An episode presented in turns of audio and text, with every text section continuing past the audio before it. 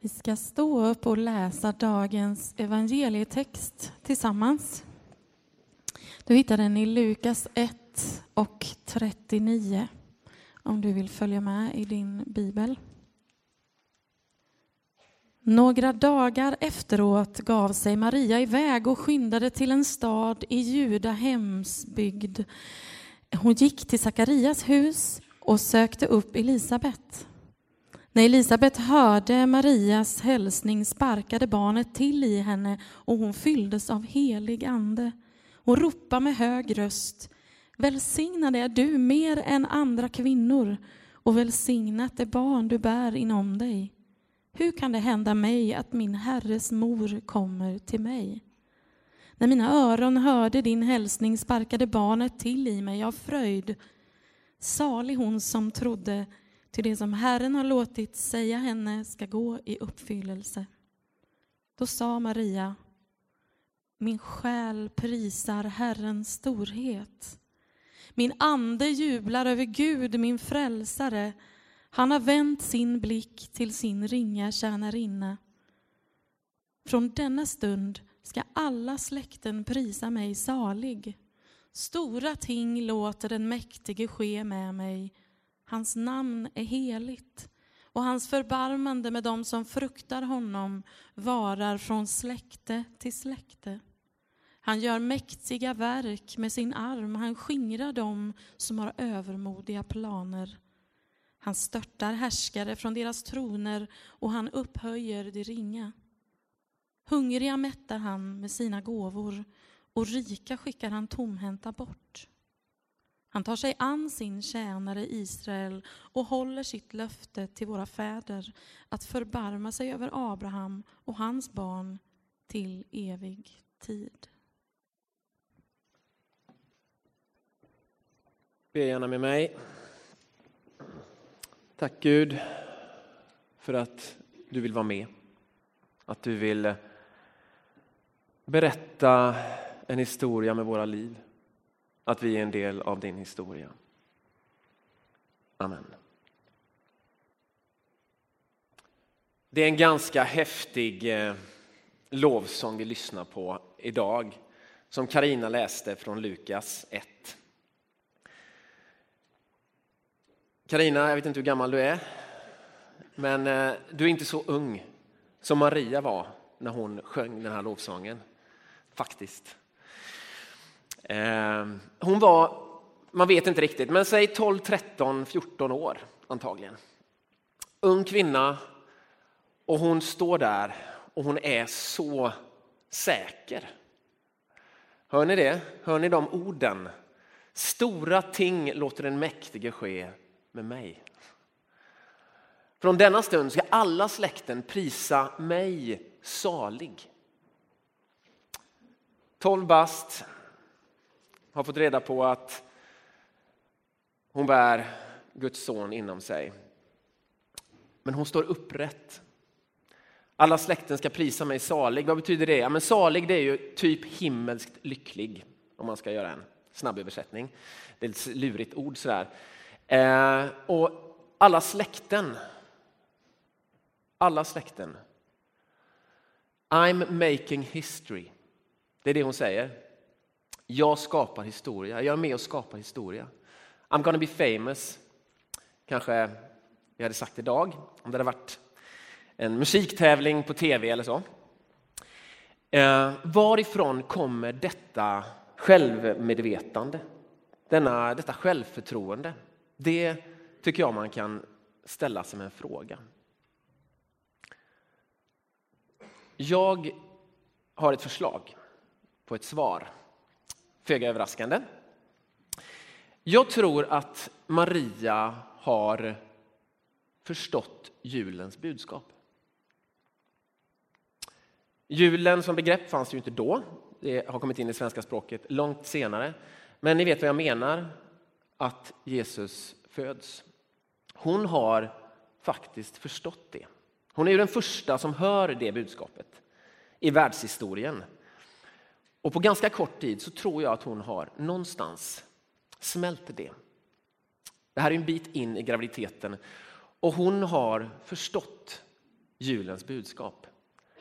På ett sätt som jag inte vet om jag själv ens förstår ibland. Och då menar jag så här att julen är ju så mycket idag för oss som är inne. Karina räknade upp liksom, checklistorna som ska klaras av inför julen. Det ska kokas och syltas och städas och köpas och grejas för många av oss. Ehm, och det är lätt att, att glittret och eh, chokladsmakerna och pepparkaksdofterna liksom tränger sig in och tränger undan en förståelse av vad julen är. För julen är ju något helt revolutionerande. Helt omvälvande. Det är ofattbart. På det sättet att den Gud som har skapat allt och som egentligen är så stor att om man skulle ta Guds hand och lägga alla planeter, stjärnor, galaxer och galaxhopar och stjärnsystem och allt vad som nu finns så är det fortfarande bara ett dammkorn i Guds hand. Den guden blir själv ungefär så stor som ett dammkorn. För så litet är ju ett embryo, ett befruktat ägg, när det börjar sin resa. Ömtåligt. Hur ska detta överleva inne i Maria? Alltså Gud som är så stor, han blir så liten. Den Gud som i Jesaja-texten till idag från kapitel 40, verserna 10-11, där det står om att han kommer i makt. Han lyfter upp lammen i sin famn. Han blir så liten att han själv blir upplyft av en tolvårig tjej, kvinna. Fattar vi det? Jag vet inte om jag gör det. Att Gud som är så stor blir så liten, så hjälplös. Har ni mött en bebis någon gång? Som Jesus var under en tid. De kan inte mycket alltså. Ibland så talar vi om det kompetenta barnet. Men vad kan en bebis? Suga mat, kissa, bajsa, skrika. Det är ungefär det. Någon som kommer på något annat? Kräkas, tack. Nej, men detta är Gud, säger julberättelsen. Detta är Gud. Där är han. Så hjälplös man bara kan bli. Får man lov att säga så här? Är inte det... Ja, det känns nästan som en hädelse. Att säga att den store guden blir så liten, så hjälplös, så inkompetent. Varför gör det att Maria sträcker på sig? Jo, därför att detta lilla barn, eller i detta läge foster, det har bjudit in henne i matchen. Med detta barn så bjuder Gud in henne i matchen. Han ger henne ansvar för Gud.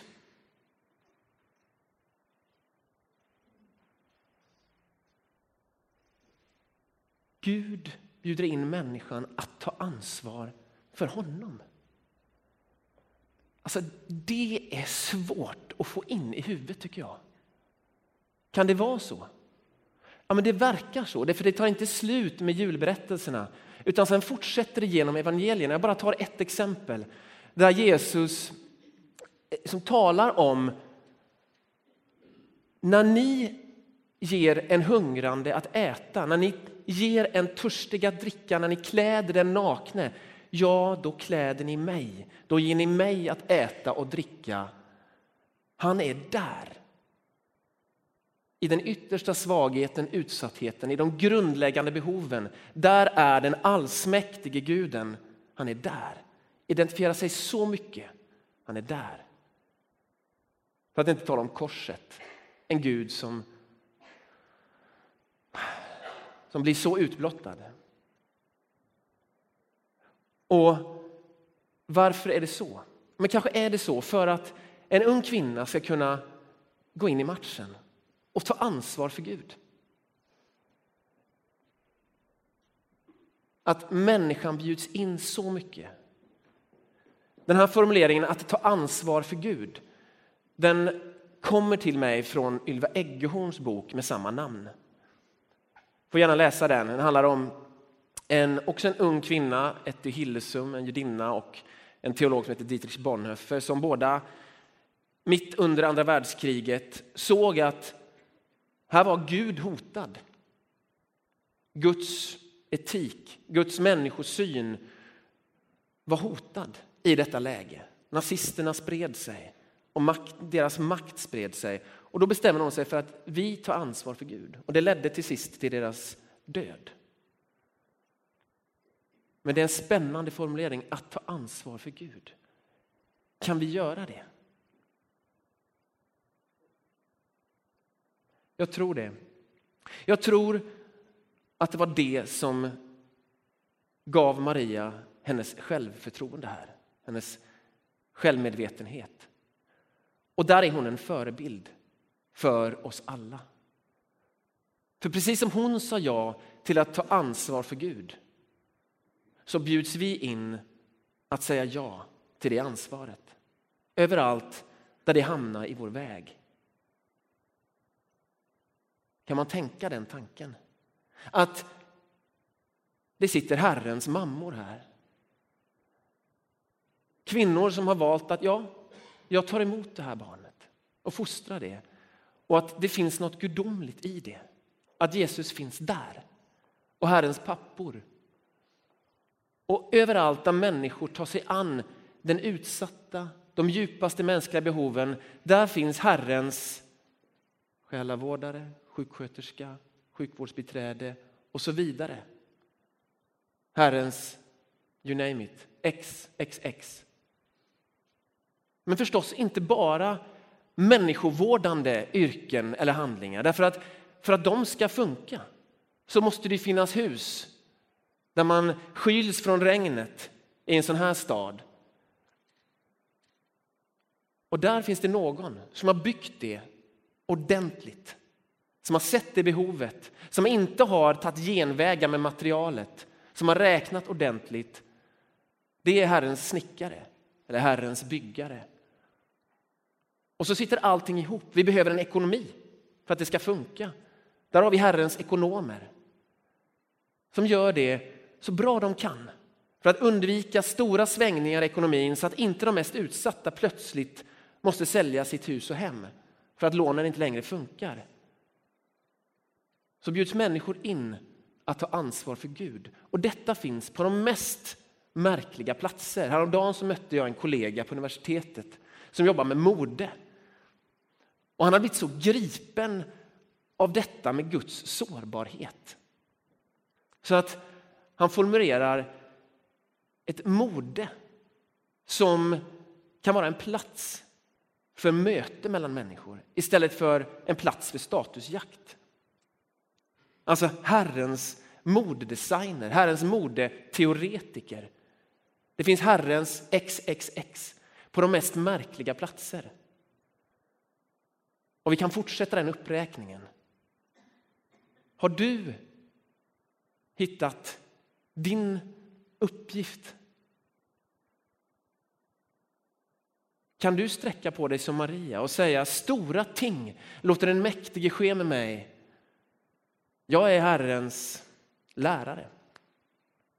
Jag är Herrens jurist. Jag hörde det senast i veckan. En ung kvinna som berättar att jag känner att Gud vill använda mig som jurist. Fantastiskt att få göra en sån bekännelse, sätta in sitt liv i ett sånt sammanhang. Och så säger någon, eller tänker någon att jo, jo, det var enkelt för Maria att tacka ja till den kallelsen. Det kom ju en ängel till henne. Skulle jag också tacka ja till om det kom en ängel till mig? Men jag tror inte det var enkelt för Maria. Jag tror inte det liksom låg i hennes planer. Hon var trolovad. Hur eh, fräscht är det? Att komma och säga ja, jag har blivit gravid med Gud. Tror ni att det stämde in i hennes planer? Tror ni att det var så hon hade tänkt det? Tror ni att det var bekvämt? Ja, men det är sällan helt bekvämt att se ett behov och inse att det här ska jag. Jag ska möta detta. Detta är min uppgift. Det passar inte alltid in. Det är inte alltid bekvämt. Och visst, hon hörde en ängel. Och våra kallelseupplevelser, eller våra röster, det vi hör av Gud, det är av olika intensitet. Så är det ju. Vissa ser en ängel, får en dröm, hör verkligen Gud. Medan andra bara märker att här finns det ett behov. Och jag, jag kan inte släppa detta. Jag måste göra något åt det. Det som är grejen, det är, säger du ja till att gå in i det som du hör? Med vilken styrka du än hör det. Om det är en ängel eller om den bara är, du kan inte släppa det. Här kan jag göra en skillnad.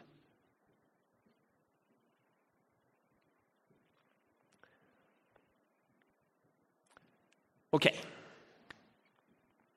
Ta ansvar för Gud. Det kan man säga och det kan man tänka. Och eh, jag tänker mig att detta som jag har sagt nu, det kan vara befriande, det kan vara uppmuntrande, men det kan faktiskt också vara någonting som ytterligare trycker ner dina axlar.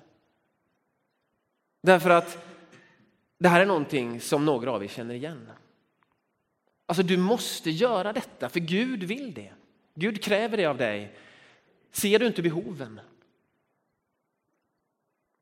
Och så har vi historier av utbrändhet, självförnekelse. Behoven har blivit så stora att till slut finns det ingen plats kvar för mig. Eller tvärtom, jag blir så viktig i Guds verk att det till slut inte finns plats för någon annan utom för mig. Alltså storhetsvansinne. Självförnekelse, utbrändhet, storhetsvansinne. Att få ansvar för Gud, det är, det är stort. Och det är tankar man ska liksom umgås med försiktigt. Hur gör då Maria? Hon får ett ganska stort ansvar i sitt knä. Man kan lätt tänka sig prestationsångest. Man kan lätt tänka sig prestationsångest. Du ska bära ett barn och det är Guds son. Som, uh, ja, vad ska jag äta? Eh, hur ska jag röra på mig? Det är Guds son som ligger där inne. Man behöver inte ha Guds son där inne för att få prestationsångest som mamma och gravid. Det är ganska vanligt förekommande idag. Alltså att bli gravid, det kan lätt ge prestationsångest. Man läser alla mammatidningar, alla böcker. Vad ska jag äta? Hur ska jag bete mig? Jag vill göra rätt. Hur gör Maria? Vad kan vi lära av henne? Maria sjunger en sång. Och i den sången, så ja, hon står upp och säger, här är jag. Stora ting låter den mäktige ske med mig. Men om man tittar på den sången, det som jag har fångats av där, det är 10, max 15 procent. Resten, 90 procent, ungefär, handlar om Gud. En 90-10 princip för den som är lagd åt det hållet. 10 procent, här är jag. 90 procent, halleluja. Gud är stor. Gud är mäktig. Och så sjunger hon om Gud, hur stor Gud är. Och så hör jag inte någon prestationsångest, just där i alla fall. Hennes liv gick väl lite upp och ner som allas våra, men just här så, så ser jag att hon har fokuset rätt på Gud. Och då är inte hon ensam, då är axlarna inte nedtryckta. Hur ska jag göra, vad ska jag göra, det måste bli rätt. Nej, för hon är öppen mot Gud. Hon ser Gud. Vad är det för berättelse om Gud som hon ger? Ja, men hon ger ju Bibeln på tio versar. Hör ni det? Alltså, hennes sång den baserar sig inte på hennes känslor. Hennes sång är djupt förankrad i den bibliska historien. Ingmar lyfter fram det här. Han pekade på att hon gick tillbaka till Abraham och löftet som Gud gav Israels folk. Alltså hon går tillbaka så långt. Här är jag, men Gud gjorde det. Han lovade det. Och hans förbarmande varar från släkte till släkte till släkte till släkte. Och här är jag, Maria. Jag har fått min uppgift. Men Gud rör sig genom historien som en våg. Hans förbarmande rör sig från släkte till släkte till släkte. Och här är jag. Och framtida släkten ska tala om mig och framtida släkten ska få vara med om det Gud ska göra. Alltså hon är förankrad i de löften som profeten hade gett. Härskare ska störtas från deras troner. De hungriga ska få mat. Det här hade ju inte hänt. Just där satt ju Herodes den store, en av de riktigt grymma. Ovanför honom Augustus, kejsar Augustus.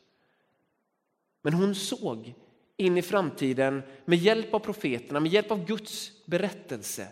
Och i den historien placerade hon sig själv. Hennes sång genljuder av det israelitiska folkets tro. Hon var inte ensam i detta. Hon var djupt grundad i sitt folk, i sin historia och i den tro som fanns där. Står du ensam i ditt liv? Eller kan du luta dig mot historien om Gud? Själv så, så blir jag ensam ibland. Jag glömmer bort att jag är en del av ett stort folk, av en berättelse. Och så tittar jag på mig själv och min navel. Hur ska jag klara detta? Och så innan den här predikan så går jag in där i förbönsrummet. Och så omringar förbönjaren mig. Och så är jag en del av ett folk. Så lutar jag mig tillbaka. Jag är inte ensam i detta. Jo, jag är med om detta, men jag är inte ensam. Och så får vi ta emot en tro som vi inte har skapat själva.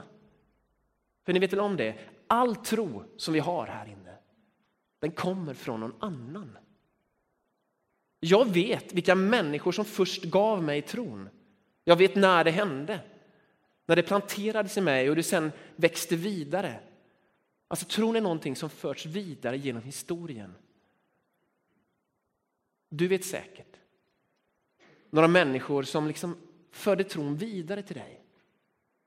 Och om du aldrig har fått tron till dig så är det här en sån här dag. När du kanske tar emot någonting som växer vidare. Kanske är det idag du tar emot tron. En tro som kommer från någon annan. Som har färdats genom historien genom Guds folk. Och detta gäller ju även bokstavligt. Det hus vi sitter i här, de väggar som skyddar oss mot Göteborgs illa väder. De har ju inte många av oss gjort själva. De kommer ju från några som bildade en församling i mitten på 30-talet och som sen började samla pengar för att de trodde att vi behöver ett hus som skyler oss för vädret, där vi kan tillbe Gud, där vi våra barn kan lära sig mer om Gud, där gamla kan komma in och få en stunds gemenskap. Där den hemlöse kan få en matkasse. Ett sånt hus ska vi bygga. Och så sa man ja, jag vill vara Herrens förvaltare av dina gåvor, Herrens byggare. Och så samlade man pengar. Och en ungefär hälften så stor församling som vi är idag köpte tomter och byggde ett hus för lågt räknat 50 miljoner kronor i dagens penningvärde. Vi lutar oss mot dem. Vet ni om det? Tack, ni som gjorde det här för oss. Några av er sitter här idag eller lyssnar på detta hemma. Tack för att ni förde vidare, att ni sa ja till att bli Herrens förvaltare och byggare hur för vi vidare det arvet? Vad är det vi lämnar efter oss? Vad är det för trygghet mot vädret och vinden? Vad är det för platser vi ger vidare till dem som kommer efter? Kan man sätta in sig i en sån historia? Kan man säga ja till att ta ansvar för Gud på det sättet? Jag tror det. Jag tror att det är ett fantastiskt liv. Att få märka hur man är använd av Gud, hur man tar ansvar för Gud och hur man liksom för vidare en tro och verkar i det. En sån här gudstjänst, det är ju ett fysiskt ställe, en händelse, en tid när historien möts.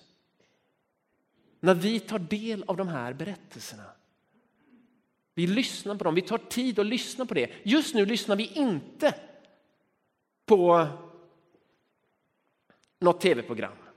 Vi läser inte GP, vi lyssnar på detta. En gudstjänst är en sån plats där historien möts. Och sen går vi fram och tar emot bröd och vin. Därför att Jesus gav det vidare till oss och så tar vi emot det. Och så vidare. Allt i det här rummet, den här gudstjänsten, är en sån, sån mötesplats mellan historiens Gud som möter oss här idag och så leder det vidare. Så tar vi med oss detta möte överallt där vi är.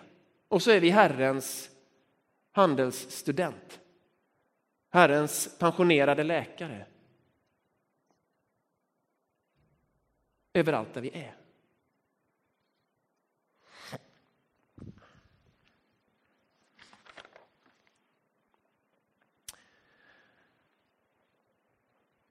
Du är inte ensam. Du är välkommen med. Gud har gjort sig så liten att du kan ta ansvar för honom.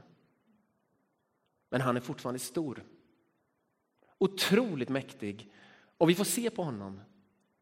10 procent kan vi säga ja. 90 procent kan vi säga halleluja. Du är stor. Jag vill vara med. Tack för att jag får vara med. Vi ber. Tack Gud för att du bjöd in Maria. En ung tjej, kvinna som sa ja till dig. Tack för att hon förändrade historien med det jaet. Och att det sen har gått vidare. Att vi får vara med i den historien. Att ditt förbarmande rör sig från släkte till släkte. Och jag ber för oss som är här idag att vi ska få säga ja, jag vill vara Herrens XXX, vad det nu är. Och få gå in i det. Inte ensamma, utan tillsammans. Och så vill jag också be en bön för den som sitter här idag och som känner att det här är way beyond. Det här är men som känner en längtan efter en Gud som både är stark och svag. En Gud som har lyft fram det svagaste i oss och sagt att här finns jag. Jag ber för dig som har lyssnat och som känner någon slags, kanske liten längtan efter att få vara en del av detta. Jag ber att den människan idag ska få säga ett ja. Eller i alla fall bära vidare den längtan med respekt och vetskapen om att inbjudan finns där.